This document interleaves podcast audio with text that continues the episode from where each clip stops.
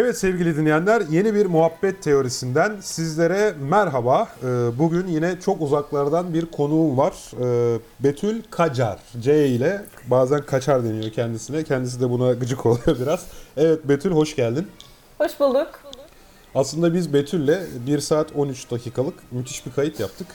Ama bunun ilk birkaç dakikasını teknik bir arızadan dolayı kaybettik. Ee, bu kayıp yerine hemen ben şimdi e, Betül'den biraz bahsedeceğim. Ve sonra e, kaybetmediğimiz noktadan itibaren e, yayına vereceğim o kısmı. Başta biraz kopukluk yaşayabilseniz, yaşasanız da hemen 2 dakika sonra muhabbete adapte olacağınızı düşünüyorum. Betül öncelikle Harvard'da öğretim görevlisisin şu an değil mi? Evet. Ee, NASA Astro, NASA'nın Astrobiyoloji Enstitüsü'nün yöneticilerinden birisin. Ee, geçmişi yaşamak biriminin.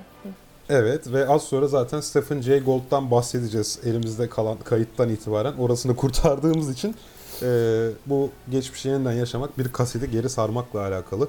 Betül orayı anlatacak zaten bize. Ve bir de Japonya'da Origins of Life yani hayatın kökleri, hayatın başlangıcı enstitüsünde Tokyo'da yardımcı doçent olarak görevlisin. Ee, normalde proteinleri çok sevdiğini anlatmıştın bize o kaybolan bölümde ve e, Türkiye'de kimya okurken nasıl biyoloji alanına kaydığını, hastalıklarla çalıştığını. Şimdi ben bunları özetlemiş oldum. Evet. Ee, dilersen artık o kaydımıza geçelim. Bu bir geçiş bölümü olsun. Dinleyicilerimize e, kusura bakmayın diyorum. Fakat muhabbetin sadece birkaç dakikası kayboldu. O keyifli muhabbetin tamamını şimdi dinleyebileceksiniz. Herkese iyi dinlemeler. Ya da moleküler, e, sentetik biyoloji Bilhassa böyle temel alanlar. bilimlerde, evet. Bilhassa temel bilimlerde. Temel bilimlerde. Dolayısıyla hani ikna etmek zorundasınız e, bu çalışmanın önemli olduğunu ve eğer ve ikna etmek için de bir te- temele bağlamak zorundasınız ve temele bağlı kalınca da biraz e, sıkıcı ve eski olabiliyor. Fakat garantili olan şeyler genelde e, ödül oluyor gibi böyle bir böyle bir e, kısa döngü Kendi var iç yani böyle bir çelişkisi kısır var, döngü evet. var pardon.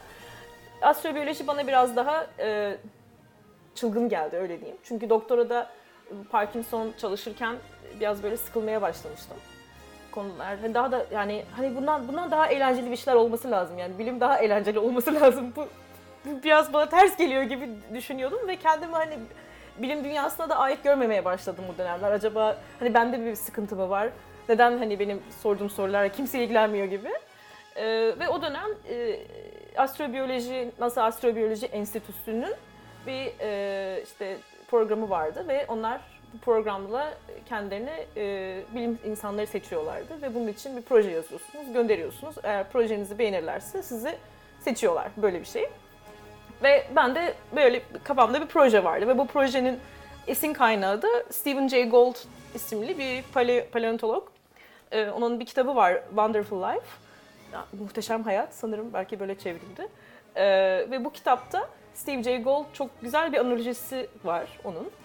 Ee, kendisi pe- paleontolog, aynı zamanda biyolog, aynı zamanda felsefeci. Hatta şu anda seninle Harvard Üniversitesi'nde Steve Jay Gould'un çalıştığı yerin üst katından sesleniyorum sana. Yani süper. çok mutluyum o açıdan da.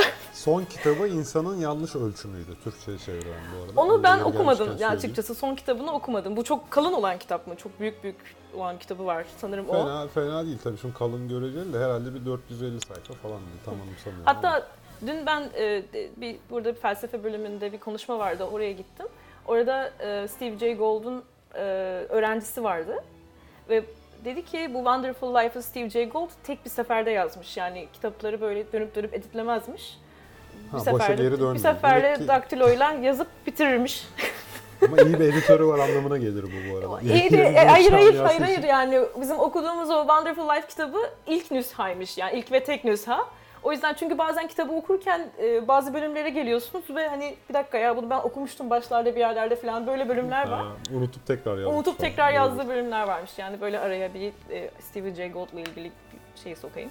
Ama e, ve ben bu kitapta Stephen Jay Gould e, diyor ki bütün e, hayat e, şu ana kadar yani 4.5 milyar yıl önce başlamış ve şu ana kadar gelmiş hayat bir e, bir kasede kayıtlı olmuş gibi düşünsek bunu. Ve bu kaseti tekrar başa saracak olsak ve tekrar e, bu kaseti tekrardan e, dinlesek aynı şekilde mi hayat hayatı dinlemiş oluruz? Yani gerçekleşmiş her şey silinse ve hayat yeniden başlasa her şey tekrar olduğu gibi evrilir miydi? İnsanlar burada olur muydu? Ya da gördüğümüz diğer e, hayat biyoloji olarak bizim şu anki gördüğümüz e, şeye benzer mi? Olmazdı. Neden böyle düşünüyorsun? Ya biraz tabii Heraklitos hani aynı ırmakta iki kere yıkanamazsına hemen referans verebilirim de e, ben insanın hani oluşumunda çok fazla şans faktörünün bir araya geldiğini düşündüğüm için aynı şansa erişeceğimizden emin değilim yani. Yani aslında e, yani genetik olarak tabii şu anki yaşayan canlılar birbirlerine çok benziyor. Hani e, Steve Jay Goulden e, sadece insana tabii indir- indirgemiyor bunu. Hani genel olarak diğer bütün canlılar için de konuş konuşabiliriz. Bu e, e, bu soru bana astrobiyoloji açıdan yani o dönemlerde çok okuyordum na- NASA işte astrobiyoloji, uzayda hayat gibi konuları. E, ve şu an mesleğim oldu. E, ama e, bana çok astrobiyolojik olarak e, uygun bir soru gibi geldi. Çünkü biz uzayda hayatı ararken e, dünyamızdaki hayatı baz alıyoruz. Ve dünyamızdaki hayata benzer hayat arıyoruz. Bu da çok normal yani elimizdeki numune sayısı, örnek sayısı bir. Bu arada Ve- zaten sorunun eş değeri şu yani uzayda dünyanın tıpatıp aynısı bir gezegen varsa aynı hayat orada da gelişmiş midir? Aslında sorunun eş değeri bu zaten. E, tıpatıp işte biz ar- ararken hani çok dünyaya benzer gezegen zaten hani e, böyle bir sıkıntı var. Hani dünyaya benzer derken dünyanın neyine benzediği. Buna, bunun içinde dünyada e, dünyadaki hayatın ne kadarı dünyamızın e, kendisiyle ilgili kendisinden ilgili sebeplerden dolayı bu şekilde gibi düşünebiliriz. E, atmosfer diyelim, örneğin depremler bizim çok önemli yani hayatı şekillendirmesi için yer hareketleri. Amino asitler burada mı oluştu yoksa bir kuyruklu yıldızla mı geldi? Panspermia teorisinde olduğu gibi. Yani bunları Yani- da tam bilmiyoruz.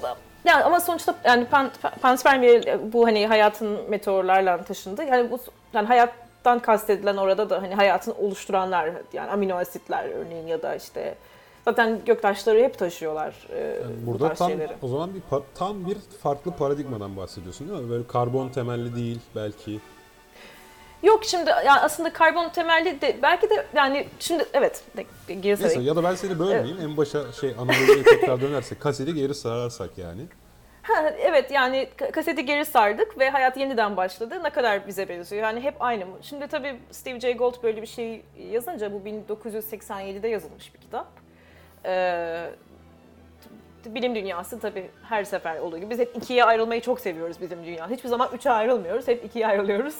kabul edenler ve karşı çıkanlar ve e, buna kabul edenler ve karşı çıkanlar olarak işte karşı çıkanlar diyor ki hayır mesela örneğin işte e, bütün canlılarda ortak çok özellik var ve demek ki bunun tek bir açıklaması olabilir. Demek ki bu özellikler hep olması çok kolay ve e, çok sık rastlanan şeyler. Dolayısıyla hayat hep aynı olacaktır gibi. E, Kimisi de hayır işte çok ne kadar rastgelelik e, var gibi ya da tamamen rastgele olacaktır diye düşünenler var. E, fakat şunu da söyleyebiliriz. Hayatı tekrardan ka- kaseti başa sarsak e, tam olarak hani her şey aynı olacak derken neyi kastettiğimiz de önemli. Yani bütün mesela bir volkan patl- patlamışsa bu volkan aynı zamanda mı patlayacak? Bir meteor dünyaya çarpacak ve bu meteor aynı aynı tarihte aynı yere aynı şiddette mi çarpacak? Yani bütün dünyamızın geçirdiği bu tarihsel sürecin aynısını başka bir gezegenden beklemek çok tabii mükemmelliyetçilik olur yani. Biraz Fazla hayal- deterministik olur aynı zamanda. Evet, aynı şeyler aynı yerde, aynı koşullarda olursa her şey aynı olur mu? Ya ben de az önce onu söyleyecektim. Hadi her şey dinozorlara kadar aynı gelsin. Tamam mı? Her şey. hani orada o kuyruk yıldız düşmese zaten tamamen farklı bir şekilde gelişecek yani. İşte bu bu astrobiyoloji konusunun çok e, önemli astrobiyoloji için çok önemli bir konu. Ve bunu da aslında önemli yapan bu e, başta söylemiştim işte bu Bill Clinton döneminde kurulan bir enstitü astrobiyoloji enstitüsü. Bu e, 1994 dönemlerinde hatta Bill Clinton da televizyona çıkıp işte Mars'tan e, meteordan bakteri geldi. Bu Antarktika'daki e, gök taşı üzerine oluyor değil mi tüm bu olanlar? Bu pardon Mars Mars taşı ile yani Mars taşının içerisinde morfolojik olarak bir şey var. Aslında ya şimdi tabii o çalışmanın e, gerçek olmadığını yani 98'den sonra falan kabul ediyoruz. Yani Mars'tan bakteri falan gelmişliği yok tabii. Ya da göktaşıyla bir Yok, bakteri tabii, tabii. gelmişliği Yani yok. içinde morfolojik olarak bakteri benzeri bir fosil yani bir şekil O da var yok. daha doğrusu. O O, da yok. şekil de mi yokmuş? Yok o şekilde yok. Yani bunu Aa, ben çok aslında ilginç. Türkiye'de bazen e, televizyon programlarında falan denk geliyorum. Hani e, çok tabii kısıtlı olsa da astrobiyoloji konusu açılıyor. İşte Mars'tan gelen bakteri fosili. Ya yok böyle bir şey olsa yani evet böyle maalesef maalesef keşke eve her gün elimiz boş dönüyoruz. Gene yok gene yok. Yani şey e, öyle bir şey yok. Bir Ee, XKC'de karikatürü vardı görmüşsündür. Aa, Astro, evet astrobiyologlar bugün haber var mı? Yok diyorlar. Yok. Aa iyi peki deyip kapatıp biralarını tokuşturuyorlar. evet, ke- evet En öyle gibi bir izlenim diye. olabilir. En, en boş ofi- ama evet öyle, aslında öyle değil biz zaman yani de sanırım en çok yoğun olan dönemler alan için bu dönemler. Çok heyecan verici dönem yani. Gelişmeler bu, oluyor İşte çünkü. meraklının Mars'ta biz şu anda konuşurken Mars'ta gönderdiğimiz bir robot kamerasıyla etrafa dönüp bakıyor ve Mars'ın yüzeyinde ilerliyor. Yani bundan daha heyecan verici bir şey olur mu? Yani ve biz, biz, ve biz koyduk onu oraya yani mü- mükemmel bir şey. Ee, ama bu e, ne, ne- şeyden bahsediyorduk. Ha, bu e, hayatın de- demek istediğim anlamak ne kadar biz burada gördüğümüz şeyleri ne kadar başka yerlerde de bekleyebiliriz. Güneş sisteminde, güneş sisteminin dışındaki gezegenlerde ne kadar bizim e, hayatımıza benzeyebilir. Bunlar astrobiyoloji için çok önemli sorular ve bu soruların e, kaynağı da hem bu işte Mars'tan gelen fosil e, göktaşı e, 94'teki konu. İşte Bill Clinton'ın hatta Beyaz Saray'dan böyle canlı açıklaması falan var o dönemler. İkincisi de bu e, Viking uzay aracı e, gönderdi NASA 90 o da 90'ların başında. Fakat hani hayatı aramak için gönderdikleri bir cihazda hayatın kendisini nasıl tanımladıklarını bilmediklerini fark ediyorlar. Yani bir saniye ya biz bunu gönderdik ama biz neye bakıyoruz? Aslında astrobiyolojinin doğ, Sen doğ, bu doğumuna yol konuya açan geçmeden konu. şunu açıklığa kavuşturmam lazım yalnız. Çünkü ben de yanlış anladım galiba. Şimdi hakikaten Mars'taki göktaşının içerisinde bakteri fosili zannedilerek heyecanlanılan bir şekil yok muydu? O şekil de mi yoktu Şekil orada? var tabii yani. Ha şekil Şey- vardı değil mi? tamam. Şekil yani vardı ve bakteri bu fosili şekil gelmediğini biliyoruz da. Ya bu Hani- şekil vardı işte e, şekil bakteri fosili olarak e, yorumlandı. Hatta bunun öyle olduğuna hala inanan sanırım birkaç böyle e, koz, kozmoloji dediğimiz bir grup var. Böyle pek Tamam çünkü ben zaten astrobiyoloji, Bilemedim. astrobiyolog kelimesini ilk o zaman duyduğumu hatırlıyorum. Astrobiyologlar laboratuvar şartlarında o şeklin jeolojik olarak da oluşabileceğini ortaya koydular diye hatırlıyorum. Ya Doğru işte mu? e, o, o dönemlerde zaten dediğim gibi hani astrobiyoloji alanının daha yeni kurulduğu, daha doğrusu enstitüsünün yeni kurulduğu dönem. E, ve bu çalışmayı yapanlar da jeolog.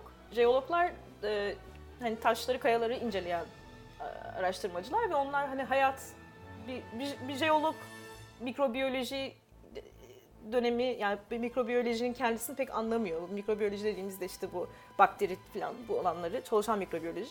Dolayısıyla bu çalışmaların temelini de yapanlar jeologlar ve onlar da kaya dünyadaki kayaların üzerinde böyle bakteri fosilleri var. Göktaşından gelen de ona benziyor diyerek böyle bir hemen bir hani bu e, kısa bir hani aklımızda rezerv vardır ya hani en basit olan açıklama en doğrusudur gibi.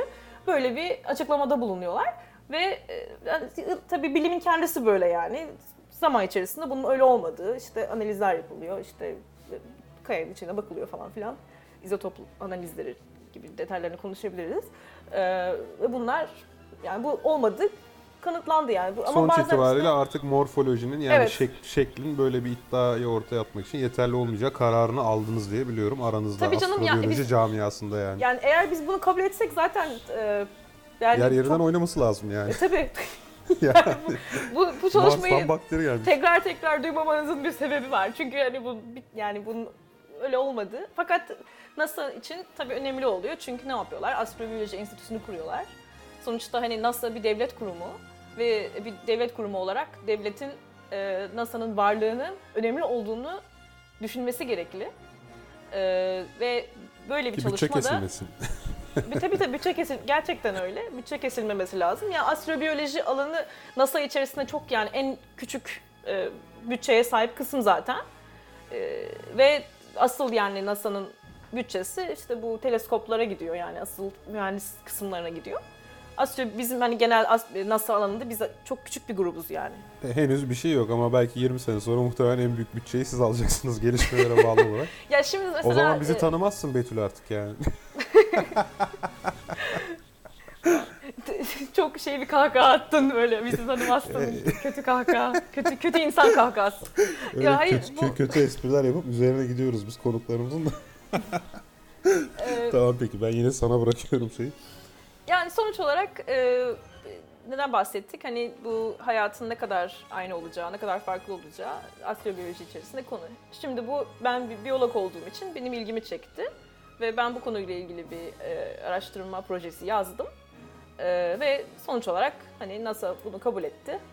E, bu şekilde 2011 sanırım NASA bünyesinde çalışmaya başladım. Ve şu an neyin üzerinde çalışıyorsun yani? Şimdi konum e, bu, bu konuyu e, ben şöyle şeyler yapıyorum.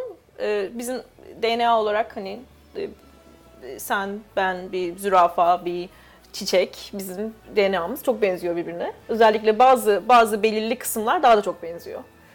E, bizim için önemli faaliyetlerimiz yani hücremizin, bünyemizin diyeyim, önemli faaliyetlerini gerçekleştiren moleküller bütün canlılarda neredeyse aynı, çok Yani birbirlerine örnek benziyor. veriyorum bir mitokondrinin nasıl çalışacağı doğal olarak bütün canlılarda DNA kısmı aynı öyle değil mi? Mitokondrisi olan can- canlılar için öyle evet. Ama mitokondrisi olan fakat birisi. Ya da mitokondrinin ribozomun nasıl çalışacağı en azından. evet ribozom bütün diyelim. Evet, ortak. evet. Yani proteini yapan protein, prote- ribozom kendisi e, çok ve çok da hatta eski bir e, ya eski bir e, üyesi hücrelerin yani 4,5 milyar yıl önce hayat var oldu diyorsak ribozom 4,5 milyar yıl önce de vardı diyoruz. O kadar eski. Ben e, geçmişte olan şeyleri çok merak ediyorum. Yani dünyamızın e, işte 2 milyar yıl önce nasıl olduğunu, 3 milyar yıl önce nasıl olduğunu çok merak ediyorum. Ve bunu, bu bize bu bilgiyi şu anda sağlayan e, en büyük alan e, jeoloji. Jeologlar işte buldukları kayalık parçaları işte bunları çalışarak bize geçmiş hakkında bilgi veriyorlar. Jeologlar ve paleontologlar. Bir biyolog için ise geçmiş tamamen DNA üzerine. Aslında düşünür, düşünürsek yani e, mesela biz atalarımızın e, özelliklerini kendimiz taşıyoruz DNA'mızda. E, işte kaş göz, kaşımız gözümüz işte tenimizin rengi bunlar hep bizim atalarımızın tarihçesi aslında. Yani bu bence çok acayip bir şey. Çünkü biz Dedektif aslında gibi sanki geriye doğru iz sürmek diyorsun aslında. ya- yani biz biz aslında yürüyen fosilleriz bir ba- bakıma. Çünkü e, biz kendimiz e, geçmiş taşıyoruz. Kendi kromozomumuzda taşıyoruz bunu. Ve kimimiz bunu genetik hastalıklar sayesinde hatırlıyor. Kimimiz e, "Aa işte benim ben teyzeme benziyormuşum ya da işte büyük babaannem aynen benim gibiymiş ki falan gibi. Bunlar ve bunlar aynı şeyler bakteriler için de geçerli. Bakterilerin ömrü bizim gibi değil, çok daha kısa fakat daha doğrusu daha hızlı diyeyim. Biz yani bizim için ömür işte 80 yılda bir nesilse bakteri için 20 dakikada bir nesil. Dolayısıyla onlar çok daha hızlı ilerliyorlar ve çok iyi bir sistemler laboratuvarda çalışmak için bu açıdan. Yani ben bir insan üzerinde deney yapamam. Ee, tabii Yapsan da tabii şimdi nesillere insan tabii kötü bir örnek oldu seneler yani. Bu sürer. çok fazla farklı sebebi var bunu demeyeyim tabii ki de Tamam, yapmak peki istemem. kaplumbağa üzerinden örnek Kaplumbağa da is- yapmam. Kaplumbağa çalışanlar olabilir. Kaplumbağa onu da demeyeyim. Fakat ne, ne diyeceğiz? biz? Bir şey bakteri diyemeyiz ki. diyorum. Bakteri diyoruz. Tamam, peki. Ee, ve ve e, ben ş- şunu merak ediyorum. Ee, nasıl e, bizim e, yani eğer mesela ben ve Türkiye'deki herhangi bir insan seçsek şu anda toplam toplumdan ve ikimizin arasındaki DNA'ya baksak biz ortak bir ata buluruz. Yani bir ortak bir atamız vardır. İşte belki de ne bileyim İran'dan gel. Ben İran asıllıyım. İran'dan gelmiştir gibi mesela. Ee, aynı şekilde bakteriler için de böyle. Fakat onların atası işte 2 milyar yıl önceye gidebiliyor. 3 milyar yıl önceye gidebiliyor. Fakat bunların hakkında bizim DNA olarak bir bilgimiz yok. Ben işte 3 milyar yıl önce yaşayan bir bakterinin DNA'sını merak ediyorum ve bunu e, matematik ve istatistik kullanarak canlandırıyorum önce bilgisayarda. Yani bir Ardından zaman da zaman makinesine binip gitmiyorsun tabii doğal olarak. Bunu ancak ve ancak. Evet yani gitmiyorum. Ama bunu bilgisayarlı olarak yapıyorum diyelim. Ve bunu ta- tahminsel yöntemler bunlar. Ee, ve diyorum ki işte bakteri de- değil de belli bir genin. işte diyorum ki bu gen bende var, bu gen bir bak işte çiçekte var ve bu gen 3 milyar yıl önce de vardı fakat 3 milyar önce nasıldı? Bunu istatistiksel olarak hesaplıyoruz. Ve sonra bunu ben sentezliyorum laboratuvarda. Ee, ardından da bu antik diyelim, gerçi atasal diyeyim daha doğru olur. Bu atasal eski genleri e, günümüz bakterilerinin kromozomuna klonluyorum. Böylece atasını laboratuvar şartlarında yeniden üretiyorsun. Evet ve, ve şimdi e, mesela Harvard'da şu an benim bir labım var burada ve öğrencilerim var. E, ve şu anda yaptığımız konularda mesela e, geçmiş dönemlerde atmosferde etkisi olan genler var. Atmosferi değiştiren diyelim ya da değiştirdiğini düşündüğümüz.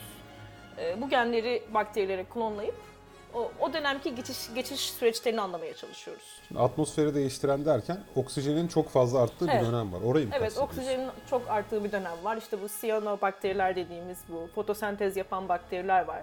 Bunların nasıl, e, yani ne, ne, tür moleküler süreçten geçtiğini bilmiyoruz örneğin. E, bunu merak ediyorum ve bunun hani astrobiyoloji bunun neresinde diye soracak olursan gene hani e, bu hayatın kasetine dönelim. E, bir zaman makinemiz olsa gerçekten ve 2 milyar yıl öncesi, 3 milyar yıl öncesine gitsek biz insanlık olarak bile değil yani şu anki günümüzdeki muhtemelen bu hani hamam böcekleri dışında muhtemelen hiç kimse yaşayamaz hiçbir canlı. E, çünkü hani e, hem e, çok sıcak bir ortam, volkanlar patlıyor, çok depremler var, e, pH seviyesi çok asitli bir ortam olduğunu düşünüyoruz. Ve en, önem- en önemlisi de atmosferde oksijen yok.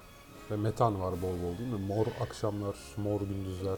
metan var ve dolayısıyla dünyamız kendi geçmişi içerisinde farklı farklı uzaylı dönemlerinden geçmiş bir dünya aslında. Yani 3 milyar yıl önceki hali, 2 milyar yıl önceki hali, 1 milyar yıl önceki hali, 530 milyon yıl önceki hali bu Kambriyan dönemi. Bunlar çok farklı farklı dönemler. Ve, ve dünyamızın şu anki bir dönemi var. Ve biz şu anki dönem üzerine baz alarak uzayda hayatı arıyoruz. Bunu da yapmamız çok mantıklı çünkü geçmişi bilmediğimiz için biraz oraya perde çekiyoruz. Fakat aslında bizim kendi içerimizde farklı farklı örnekler var ve biz bu örnekleri kullanabiliriz eğer daha iyi anlayabilirsek. Ben işte geçmişteki e, koşulları bu yüzden anlamaya çalışıyorum. Böylelikle bu uzaya gönderdiğimiz araçları onlar e, numunelere bakarken, analizleri yaparken başka gezegenlerde kullanılacakları, ka- karşılaştıracakları başka bir data seti yaratmak istiyorum. Evet şimdi aslında şöyle bir farka işaret etmiş oluyorsun. Şimdi yeni bir gezegen bulunduğunda onu iki şekilde değerlendiriyoruz. Bu birincisi herhalde zaten hani tamamen kendi şartlarımızı arıyorsak bu daha çok orada yaşam var mıdırdan ziyade tabii ki bunu da içeriyor ama hani biz bir gün oraya taşınabilir miyiz içeriyor. Öyle Evet. değil mi? Yani Yani ben gayet yerimden memnunum bilemem ama e, Yani bu- pek- bugün memnunuz da yarın ne olacağı belli olmaz Betül. Ya bence bence e, yani önemli olan e, başka gezegenlerdeki hayatları ara- ararken aslında bizim önceliğimiz NASA'nın da düşündüğü bu zaten. Kendi elimizdeki gezegeni daha iyi nasıl koruyabiliriz ve kendi elimizdeki gezegeni daha iyi nasıl anlayabiliriz? Yani e, bu olmalı öncelik. Öncelik oraya taşınmak. Tabii ki. Yani bizlerin önceliği bu ama dünyada hiçbir zaman politikacıların ve piyasanın önceliği bu olmadığı için dünya çok büyük bir risk altında, tehdit altında şu an. Ee, tabii önce politikacıları ve şeyleri durdurmak lazım. Anladığım kadarıyla. Yeni bir gezegen bulmaktan daha ucuza gelecek bu. Yani kendi dünyamızı e, daha iyi koruyabilmemiz için öncelikle e, tabii ki de hani e, eğitimsel olarak daha iyi anlamamız lazım. Fakat aynı zamanda da kendi dünyamızı daha iyi keşfetmemiz lazım. Yani okyanusun e, çok çok çok az bir kısmını biz biliyoruz. Mesela ben şu an tekrar başlasam kesin okyanus biyoloğu çalışmaya, okyanus, okyanus biyolojisi okumak isterdim. Çok Hadi ya ne, mesela çok az biliyoruz derken neyi kastediyorsun? yani okyanusun e, derinlerinde örneğin bu hidrotermal bacalar dediğimiz kısımlar var. Hı. Ki Bunlar yaşamın orada başladığı düşünülüyor değil mi? Evet bir kısım düşünen öyle bir kısım var evet. Hı hı. E, ve e, mesela bunun, o orada yaşayan değişik organizmalar var, değişik bakteriler var. E, biz mesela yine hani insanla bakteriyi kıyaslıyorum tabii yani teşbihte hata olmaz. Biz çok sıcak bir ortamda tabii ki de varlığımızı gösteremeyiz fakat ya da bizim kuzenimiz de gösteremez. E, kuzenimiz derken diğer tabii e, Diğer primatları ya da memelileri Onlara kastediyorum. E, fakat bakteriler için böyle değil. Onlar e, çok asitli koşullarda, çok sıcak koşullarda yaşayabiliyorlar ve bunları çok küçük aslında değişimler yaparak yap- yapıyorlar ve çok akıllıca şeyler, mekanizmalar bunlar. Şimdi ve akıllıca bunları mekanizmalar derken bu biraz e, şey olarak hani hemen şerh koymak istedim. Hani evrim bilinçli gerçekleşen bir süreç değil. Ha, evet Bazen değil, ben tabii farkında olmadan bu Hı hı. cümleleri biz kuruyoruz. Sonra hemen şey olarak eleştiriliyoruz. Yani nasıl küçücük bakteri işte akıllıca strateji mi yaptı diye. Yok kastedilen o değil. Bazen bu disclaimer'ı önceden söylemek iyi oluyor. E, Tabii Hani ya bu öyle strateji yani zaten rastgele mutasyonlarla ortaya bir sürü bilinçsiz strateji doğuyor. Bunlardan bazısı ortama uyduğu için akıllıca görünüyor. Yoksa bir, o, bir bilinçten bahsetmiyoruz. Bunu söyleyelim dinleyenlerimize. Evet ve e, sonuç olarak yani okyanusun içerisinde ya da değişik e, göller var mesela yeryüzünde. Bu buranın içerisinde yaşayan canlıların e, nasıl faaliyetlerini yerine getirdiklerini daha iyi anlamamız gerekiyor. Şimdi Ve- tekrar bölüyorum ama hatta biz astrobiyologlar cümlesini bu kadar sık bir de şeyde duymuştuk. Tamamen arsenikle yaşayan bir bakteri keşfedilmişti doğru mu? Tamamen arsenik değil de bu çalışmanın asıl e, sunduğu e, öneri DNA'sında e, bizim bütün canlıların DNA'sında e, fosfat molekülü var. DNA'da fosfat molekülü yerine e, e, arsenik e, olduğunu önermişti. Bu da çok büyük bir öneri. Çünkü bizim bütün yani bildiğimiz DNA'nın dışında başka bir DNA molekülü mümkün mü gibi bir çalışmaydı bu. Sonradan da bu kontamina, kontaminasyon olduğu yani biraz daha geriye sa- sarayım. Bu bakterinin geldiği yer e, Kaliforniya'da Mono adlı bir göl ve bu gölün arsenik e, miktarı çok yüksek. Ve bu e, biyolog da gölden aldığı ürün yani ürün nasıl gerçekten de bir kova ile gö- gölden bir, bir kova su aldığınızı düşünün. Bunu laboratuvara gelip bunun içerisindeki mikroorganizmayı analiz ediyorsunuz. Bunu yaparken yaptığı ayrıştırmada saflaştırması çok iyi olmamış ve Ha. göl, gölün kendisinden gelen arsenik de görülüyormuş e, yaptığı analizlerde ve bu gözden kaçmış. Vay, Dolayısıyla, ya Evet. burada bir de Bu şöyle da, bir ikinci, sonuç bu da ikinci çıkıyor. oldu. Bir e, Mars bakterisi fosili, iki arsenik bitir, yani bitirdik. Yani Bütün hayaller suya düştü. Ama buradan Fakat- şunu da anlıyorum. Böyle bir şey bulununca inanılmaz sansasyonel haber oluyor. Aklımızda o kalıyor. Daha sonra bu şey çürütüldüğü zaman biz bunu duymuyoruz. Haber Yani- olmuyor çünkü. Evet ama bu aslında ben de bu konu üzerine çok düşündüm yani acaba bu iyi bir şey mi kötü bir şey mi diye. Yani tabii diyebilirsiniz ki işte insanlar çok az bir kısmını duyuyorlar ve asıl bütün bilimsel e, bir sürece tanıklık yapılmıyor.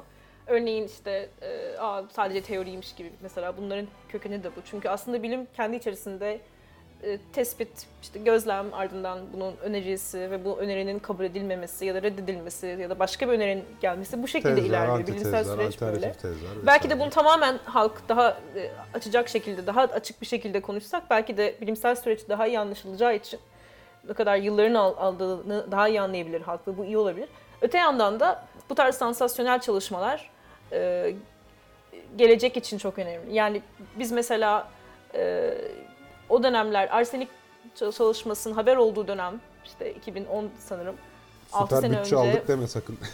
6 sene önce o çalışmaları di- dinleyen bir çocuk muhtemelen yani belki de biz 10 sene sonra "Aa, ben küçükken böyle bir çalışma dinledim ve bu beni çok etkiledi ve ben bu yüzden e, biyoloji okumaya karar verdim duyabiliriz. Hani o yüzden de e, bunları bu- böyle haberlerin iyi yanları da bu olabilir. E, evet belki te- devamında e, sağlamasını duymuyor çünkü medya bununla ilgilenmiyor o kısmıyla. Fakat e, bu hani dediğim gibi ulu- genel bir e, ilham anlamında faydası olabilir. Hatta maalesef e, sözde bilimlerin de böyle bir fonksiyonu olabiliyor. Arada tartışıyoruz. Mesela ben Saadettin Teksoy nesiliyim. Çocukken Saadettin Teksoy'u izlemekten büyük keyif alıyordum. Yani işte orada bir şekilde piramitlere gidiyordu adam. Yani sallasa da saçmalasa da işte UFO'larla ilgili o ekin çemberlerini falan gösteriyordu. Hani bunlar çocukları heyecanlandırıp e, bilime ilgi duymalarını sağlıyor. Sonuçta bir çocuğun karşısına geçip de mitokondri faaliyetini anlatarak heyecanlandıramıyorsunuz. Yani çok detaylı ve teknik geliyor. İşin biraz magazinel yanı. Böyle bir fonksiyonu var. Gariptir. Ama bunu bir tabii yan olumlu etki olarak görmek lazım. Toplamda e, bilime zarar verdiği için, eğitimsiz bir toplum oluşturulduğu için e, tabii toplamda zararlı şeyler yani. Bu tür sansasyonel şeyler. Yani işte e, dediğim gibi e, bunu pozitife de çevirile, çevrilebilir. Yani e, genel, bence genel olarak bilimsel bir çalışmanın toplumda ye- yer alması güzel bir şey, pozitif bir şey. O ilgiyi yakalamak pozitif bir şey. Astrobiyoloji bu, ala, bu alanda, NASA genel olarak yani uzay çalışmaları e, şanslı biraz. E, yani sadece bizim nesilimiz değil, bizden önceki nesil de değil. Yani bu kaç çöllerde gezen dervişlerin de sorduğu sorular, burada yalnız mıyız, başka hayat var mı? Çok eski sorular bunlar. Ve e, bence bu sorulara bilimsel olarak bir cevap verme şansının olması bile e, inanılmaz heyecan verici. E, ve bi- biyoloji, astrobiyoloji içerisinde bile aslında birazcık azınlıkta. Hani ben e, moleküler biyoloji okuyan biri olarak e, astrobiyoloji alanındaki çok az insandan biriyim. Alanın genel e, büyük bir kısmı e, pla- e, gezegenler çalışan bir kısım. Yok yüksek yer bilimleri çalışan kısım yüksek. E, belki çevre bi- mikrobiyolojisi. E, moleküler biyoloji gerçekten sanırım 2-3 laboratuvarız. Benim laboratuvarım da bunlardan biri yani çok az. O yüzden bana bazen e-mail atıyorlar işte moleküler biyoloji okuyorum, astrobiyolojiyle ne alaka gibi. Alakasız olması normal çünkü bunlar yeni kurulan konseptler, yeni kurulan çalışmalar. Zaman içerisinde, daha da çok duyulur muhtemelen. Peki şimdi o zaman az çok astrobiyolojinin ne olduğunu ve senin neler yaptığını öğrenmiş olduk diye düşünüyorum. Biraz daha e, güncel konulardan bahsedecek olursak. Her şeyden önce ben en çok seninle şunu konuşmak istiyorum. Mesela bir özellikle şu sıralar öte gezegenler keşfediliyor sık sık. E, eksoplanetler işte e, hatta ke, işte Kepler uydusundan bildiğimiz için genelde isimleri de Kepler'li oluyor. E, bunların yaşanabilir kuşakta olduğundan bahsediliyor. Mesela biz Yalansa Var podcast'inde henüz yayınlanmadı. Geçenlerde konuştuk. Aslında yaşanabilir kuşak kavramı bile antroposantrik ya da geosantrik bir bakış açısını temsil eder mi? Yani yaşanabilir kuşak dediğimiz zaman yine sadece kendi bildiğimiz anlamda canlılığı hesaba kattığımız için e, orada da gözden kaçırdığımız bir şeyler oluyor olabilir mi yani? Peki ya antroposentrikten e, yani insan İnsan Odaklı, merkezli bakış e, evet, veya bundan- dünya merkezli bakış. Peki bun- bunda bunun e, nasıl bir problem yaratacağını düşün, düşünüyorsunuz? Ya bir XKC'de e, karikatüründen bahsedeceğim yine. İşte karıncalar kendi aralarında şöyle bir sonuca varıyorlardı. En bilinen feromonları taradık ve dünyada bizden başka canlı olmadığına karar verdik diye. Ah, harika. Şimdi hani biz de aslında yaşanabilir kuşak diyerek ve az önce aslında senin de bahsettiğin gibi hani protein temelli, karbon bazlı bir e, yaşam arıyoruz hep. Hatta aslında belki de yarım kaldı. Bir aracı gönderdiklerinde canlılık arayacaktı ama neye bakılacak? Canlılık tanımı nedir diye konuş. İstiyorsan oraya dönelim hatta. Yani nedir canlılık tanımı ve biz ararken neyi arıyoruz ve bu canlılık tanımını neye göre yapıyoruz yani? Ee, Bayağı serbest tartışma konusu olarak aslında ortaya şey atayım. ben e, NASA'nın tanımını söyleyeyim. E, hayat tanımı. Ee, Yemek, içmek falan. Şimdi şeyden direkt İngilizceden direkt çevireceğim. O yüzden hani kopuk Tamam. gelirse kusura bakma.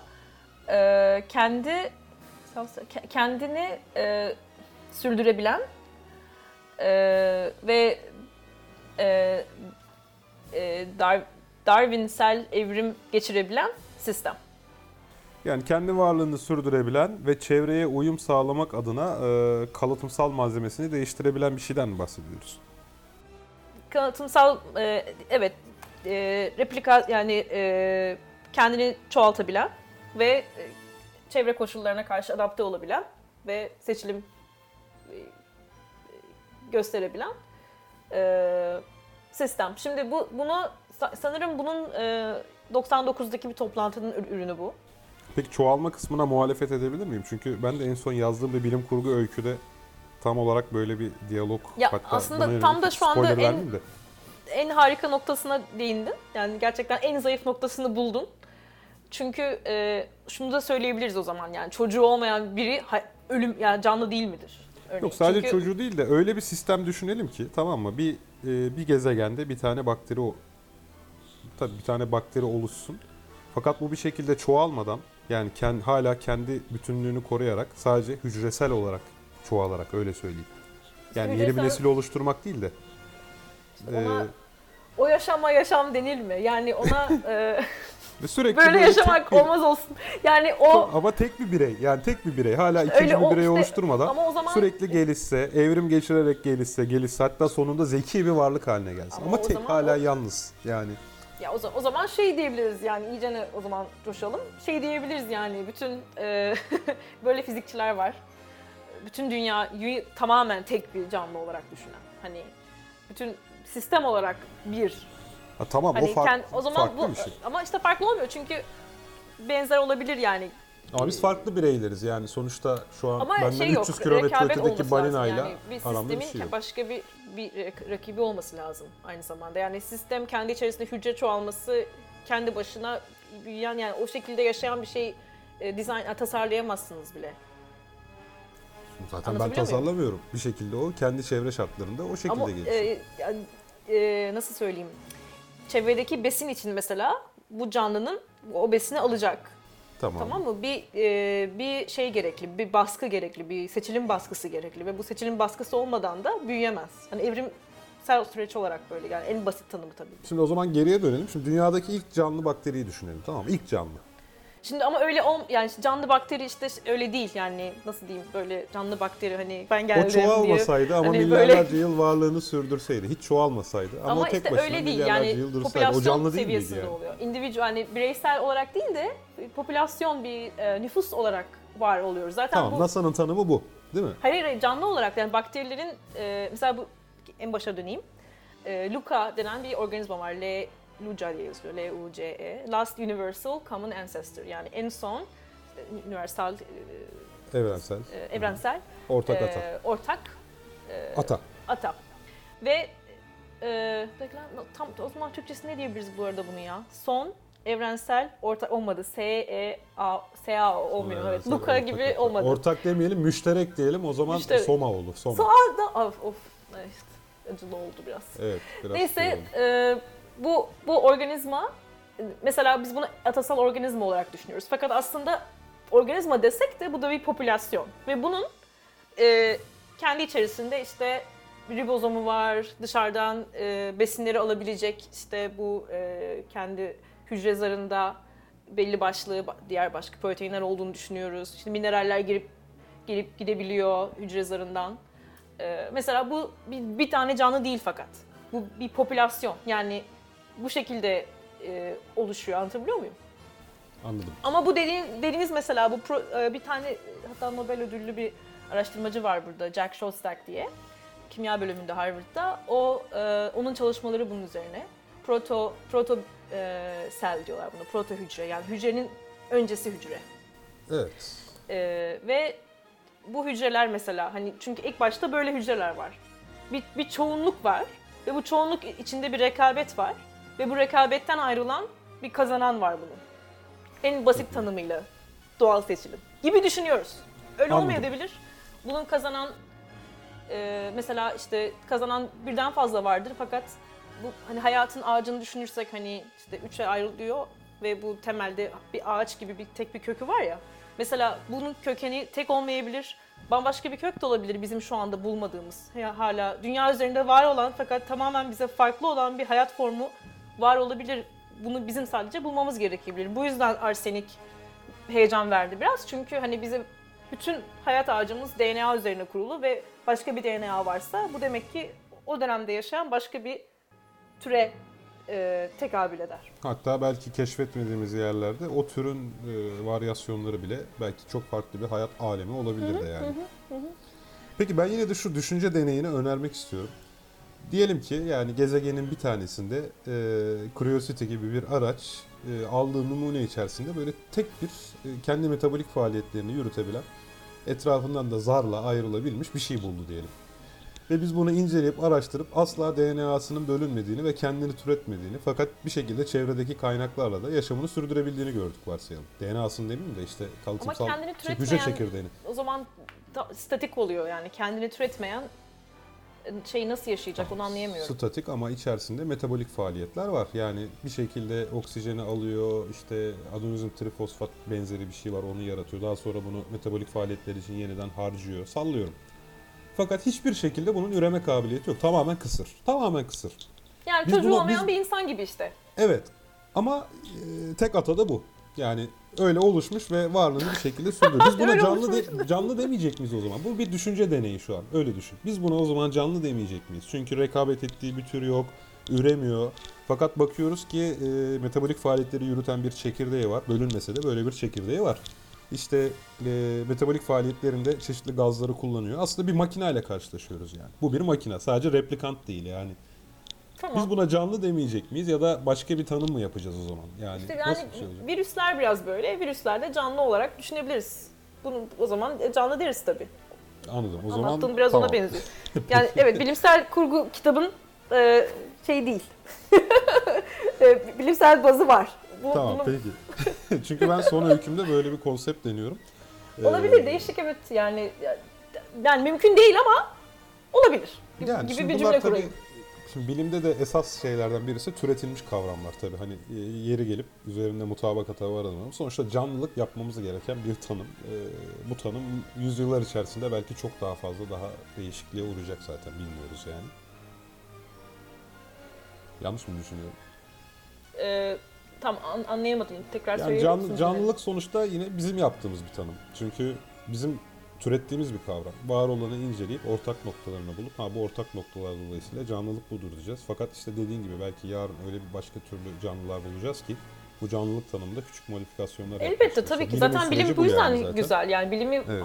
ayrı kılan da bu zaten. Yani e, devamlı farklılığa tekabül edebil- edebilmesi, e, buna denk gelebilmesi. Örneğin bu 87 kitabında yazılmış ve çoğu e, tarihçinin, biyoloji, biyoloğun, jeoloğun hayatını bence değiştirmiş bu Wonderful Life, Muhte- Muhteşem Hayat kitabından bahsettim. O kitabı şu anda okuduğunuzda tamamen yani şu anda yaz- yazmış olsa o kitabı e, Steve Jay Gould çok farklı yazardı. Çünkü o kitap tamamen fikirler üzerine bir kitap. Yani de, data yok, veri yok. Tamamen düş, düşüncesel deneyler. eser Şu yani. olsa olurdu, hayatı başa sarsak gibi deneyler ve şu anda mesela e, içinde yani geçer, geçerliliğini kaybetmiş bir sürü argüman da var içinde. Çünkü örnekler var, data var, veri var. 87'den bu sene bu zamana yapılan bir sürü şey var. Bu zaten e, Güzelliği bilimi, burada bilimi güzel zaten. kılan da bu. Bilimi Yani- bilim yapan şey de bu bu arada tabii ki. Evet Çünkü ve hani yanlışlanamayan şeylere sözle bilim diyoruz zaten. evet ve bilime uzak olan e, kesimlerin de anlayamadığı bu oluyor galiba. Çünkü çok farklı. Hani Şimdi bir bilim insanının benim böyle bir e, güzel böyle bir e, bana verilen güzel öğütlerden biri diyeyim bilimsel kariyerimde. Hani hiçbir zaman e, hani bilimsel düşüncelerini hiçbir zaman bilimsel düşüncelerinle evlenme. Yani hiçbirin hiçbirine çok sıkı bağlanma yani bırak. Rahat bir şekilde bırak bırakabil. Hiçbir fikrin senin için bırakılmaz, vazgeçilmez olmasın. Ee, Bilimsel bilim bir bilimci için herhalde en güzel öğüt. Çünkü biz yani fikirlerimize evli olmamalıyız fikirlerimizle. Bunları her an terk edebilme yetimiz olması lazım. Bu tabii çok zor. Çünkü yılların e, emeği var bu fikirlerin oluşmasında. E, ama dediğim gibi o, o esneklik de bilim insanını iyi yapıyor bence. Öbür türlü çok ör- örnek var etrafımızda yani yıllarca aynı şeyi savunan ve bir türlü hani onu kıramayan. Umarım hani ben de yaşlanınca o noktaya gelmem bilimde. Çünkü ya kabus biraz benim için. Yani insanlar uzun yıllar duygusal ve entelektüel yatırım yaptığı fikirlerden kolay vazgeçemeyebiliyorlar. O bir gerçek. Ama zaten karşı delil yani çok açık bir karşı delil karşısında fikir değiştirebilen insanlara bilim insanı diyebiliriz yüksek olasılıkla yani. Yani Bilim insanı her en türlü olmazsa olmaz özelliği o olmalı yani. Yani sonuçta bilim e, insanı adı üzerinde in- içinde insan barındıran bir şey. Bir, bir insanın sahip olduğu güçlü özelliklerini de zayıf özelliklerini de barındıracak bir şey. İnsan sistemi yani insanın ürettiği bir şey bilim. Biz geçmişteki e, bizim bilimsel e, geçmişimizdeki bilimsel e, hocalarımızın diyeyim doğru olduğunu düşündüğü şeylerin üzerine kur- kurulmuş bir şey yani ben tekrardan sıfırdan hayat başlasa, sıfırdan bilim başlasa, tekrar aynı şeyleri mi çalışırdık bilmiyorum. Güzel soru bu arada. Ama Çok güzel bir soru sordun. Yani gerçekten dünya tarihini geriye alsak e, bilimde bugün ulaştığımız noktaya geri gelir miydik? İşte Jay Gould'un sorusunun bir türevi olarak. türevi olarak yani so- bence uzay, astronomi e, bu tarz konular gene muhtemelen benzer olurdu. Çünkü dediğim gibi hani çöldeki dervişlerin de sorduğu soru diyorum. Yani gökyüzüne bakarak Tamam Orada doğru ne var? ama mesela zaman makinesiyle geçmişe gidip Newton'u çocukken ortadan kaldırsak. Ya da birkaç tane daha yani Newton Newton yolda götürsek. takılıp başını bir şeye vursa ya da dediğin gibi Newton'dan Tesla'dan klonlasak falan her şey bambaşka olmaz mıydı? Yani aslında evet ve bilimde e, bilimde inancın yeri var aslında. Tabii buradan inançtan kastettiğim hani e, bir inan inanma unsuru var bilimde ve bence e, hani bu başta da bahsettiğim belki biz biraz daha doğu kültüründen geldiğimiz için bunun yerine inanıyorum. Hani bir his, bir hissiyat. Hani bunun önemli bir şey olduğunu düşünme hissi. Orada bir şey var ve ben buna inanıyorum hissi. Ve bun- buna pek fazla e, Bunlar motivasyon kaynağı zaten. Hani kimisi motivasyon kaynağı ama bunlar genelde alır. hani çok fazla özellikle Batı biliminde sesli olarak paylaşamadığımız motivasyonlar. Çünkü yani e, hani şu anki dönemde özellikle tabu yani bunlar. biraz bence öyle hani ben inanıyorum orada bir şey olduğuna derseniz hani tabii eğer genç bir bilim insanıysanız bu hani hoş karşılanabilir ama Yani noktadan fiil sonra olarak bunu- believe'i kullanmak mı sıkıntılı? Yani ne, hangi fiili? believe. Evet, inan- inan- Yani inanmak. yani tabii yani, yani I think diyoruz yani böyle olduğunu düşünüyorum hani ve bu düşün, bunu düşünmem için şöyle sebepler var diyoruz.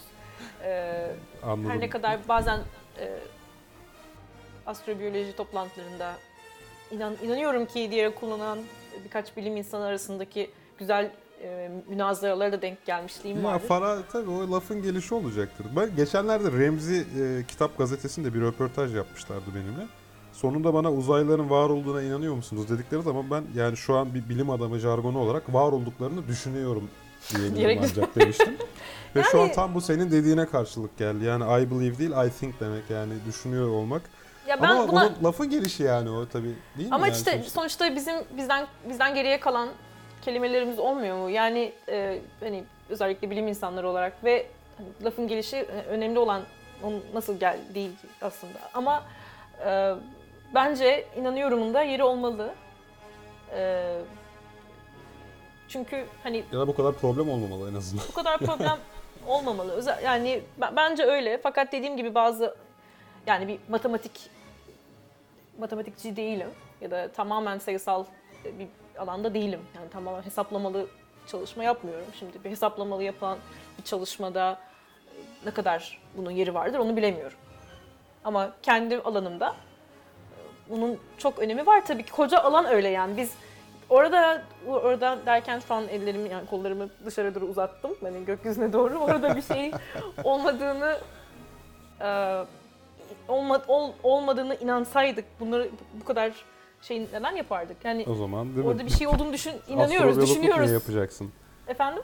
Astrobiyologluk niye yapacaksın o zaman yani? Evet. İnanmasan. Yani orada bir şey olma ihtimali. Yani bunu e, orada bir şey ya varsa ihtimali. Bizi bizi e, sürdüren. Ve Belki bence şey de bir yani diller biliyorsun çok farklı. Hani Türkçe'de inanmakla düşünmek arasındaki fark belki çok belirgin değiller ama şimdi ana dilimiz İngilizce olmadığı için belki onu anlayamıyoruz. Hani belief bir şekilde superstition yani bir e, hurafe tabanlı bir e, anlam yaratıyorsa in- ana dili İngilizce olan kişinin kafasında belki o yüzden o kadar şeydir. Hani Türkçe'de birisi bize ya bunun böyle olduğuna inanıyorum dediği zaman biz onun öyle olduğunu düşündüğünü biliyoruz. Hani ona bir his olarak doğduğunu ya da şey olduğunu değil. Biz bunu neredeyse se- eş anlamlı olarak kabul edebiliriz. Ama belki İngilizce de öyle değildir yani. Evet, e, belki Türkçe'de de düşünmekle inanmak arasında gerçek bir fark olsa çoğu problemi atlatırdık toplumsal olarak. Çok başka yerden yakaladın, iyi yakaladın yalnız. doğru doğru. İnsanlar kendi düşüncelerini çünkü gerçekmiş gibi, kendi inançlarını gerçekmiş gibi ortaya koyuyorlar. Haklısın. Evet. Hatta Türk Türkçe'de düşünüyorum da biliyorum neredeyse eş anlamlı kullanılıyor ya. Evet, eyvah Adam eyvah. düşündüğü şeyin doğru olduğunu inanıyor. Yani Çoğunlukla. tabii şimdi bizim e, aldığımız eğitimde biz biraz böyle nasıl hani bir kasabın et dövmesi gibi bizi böyle e, bütün o inanıyorum bence böyle biliyorumu bize tamamen yok ediyorlar bir noktadan sonra. Evet, Ve biz çok artık dikkatli böyle konuşmak zorunda kalıyoruz. Çok dikkatli konuşup Bence hani bu diyor. noktaya geliyorsunuz. Hani özellikle kariyerin ilerleyen noktalarında. Ama e, hani alan dediğim gibi çok çok neşeli, çok eğlenceli bir alan bence. E, hiç e, hani şunu da söyleyeyim. Bu tabii biraz konu dışında olacak ama belki şu ana kadar direnip hala dinleyenler varsa uzun sohbeti. Bizim Umarım vardır birkaç kişi uzadıkça hala kalmış. memnun oluyorlar emin ol. Efendim? bence bence dinliyorlar. Bizim dinleyicimiz özeldir. Ee, Hatta şöyle yapalım. e, Tam tam buraya kadar dinlemiş olanlar bize muhabbet teorisi e, dinliyorum tekli bir mesaj atarlarsa üç kişi. Ee, neyse bu. Ee, yok bak yüzünü kara çıkartacağız göreceksin. Ee, ya mesela işte şuna ben bir değinmek istiyorum. Bu biraz konuyu başka tarafa çekeceğim ama böyle e, Türk Türkiye'deki öğrencilerin üzerinde böyle çok acayip bir baskı var. Ben bunu fırsat buldukça söylemek istiyorum. Ee, bu da hani tutkulu olduğunuz şeyleri bulun ve işte hayallerinizin peşinden koşun gibi. Ve e, hiçbir insan bence yani buna e, yani ben Bill Gates'in de dahil ki Bill Gates'in gerçekten tutkuyla bağlandığı bir işin olduğunu düşünüyorum. Her sabah yatağından böyle güneşe karşı şarkılar söyleyerek fırladığını zannetmiyorum.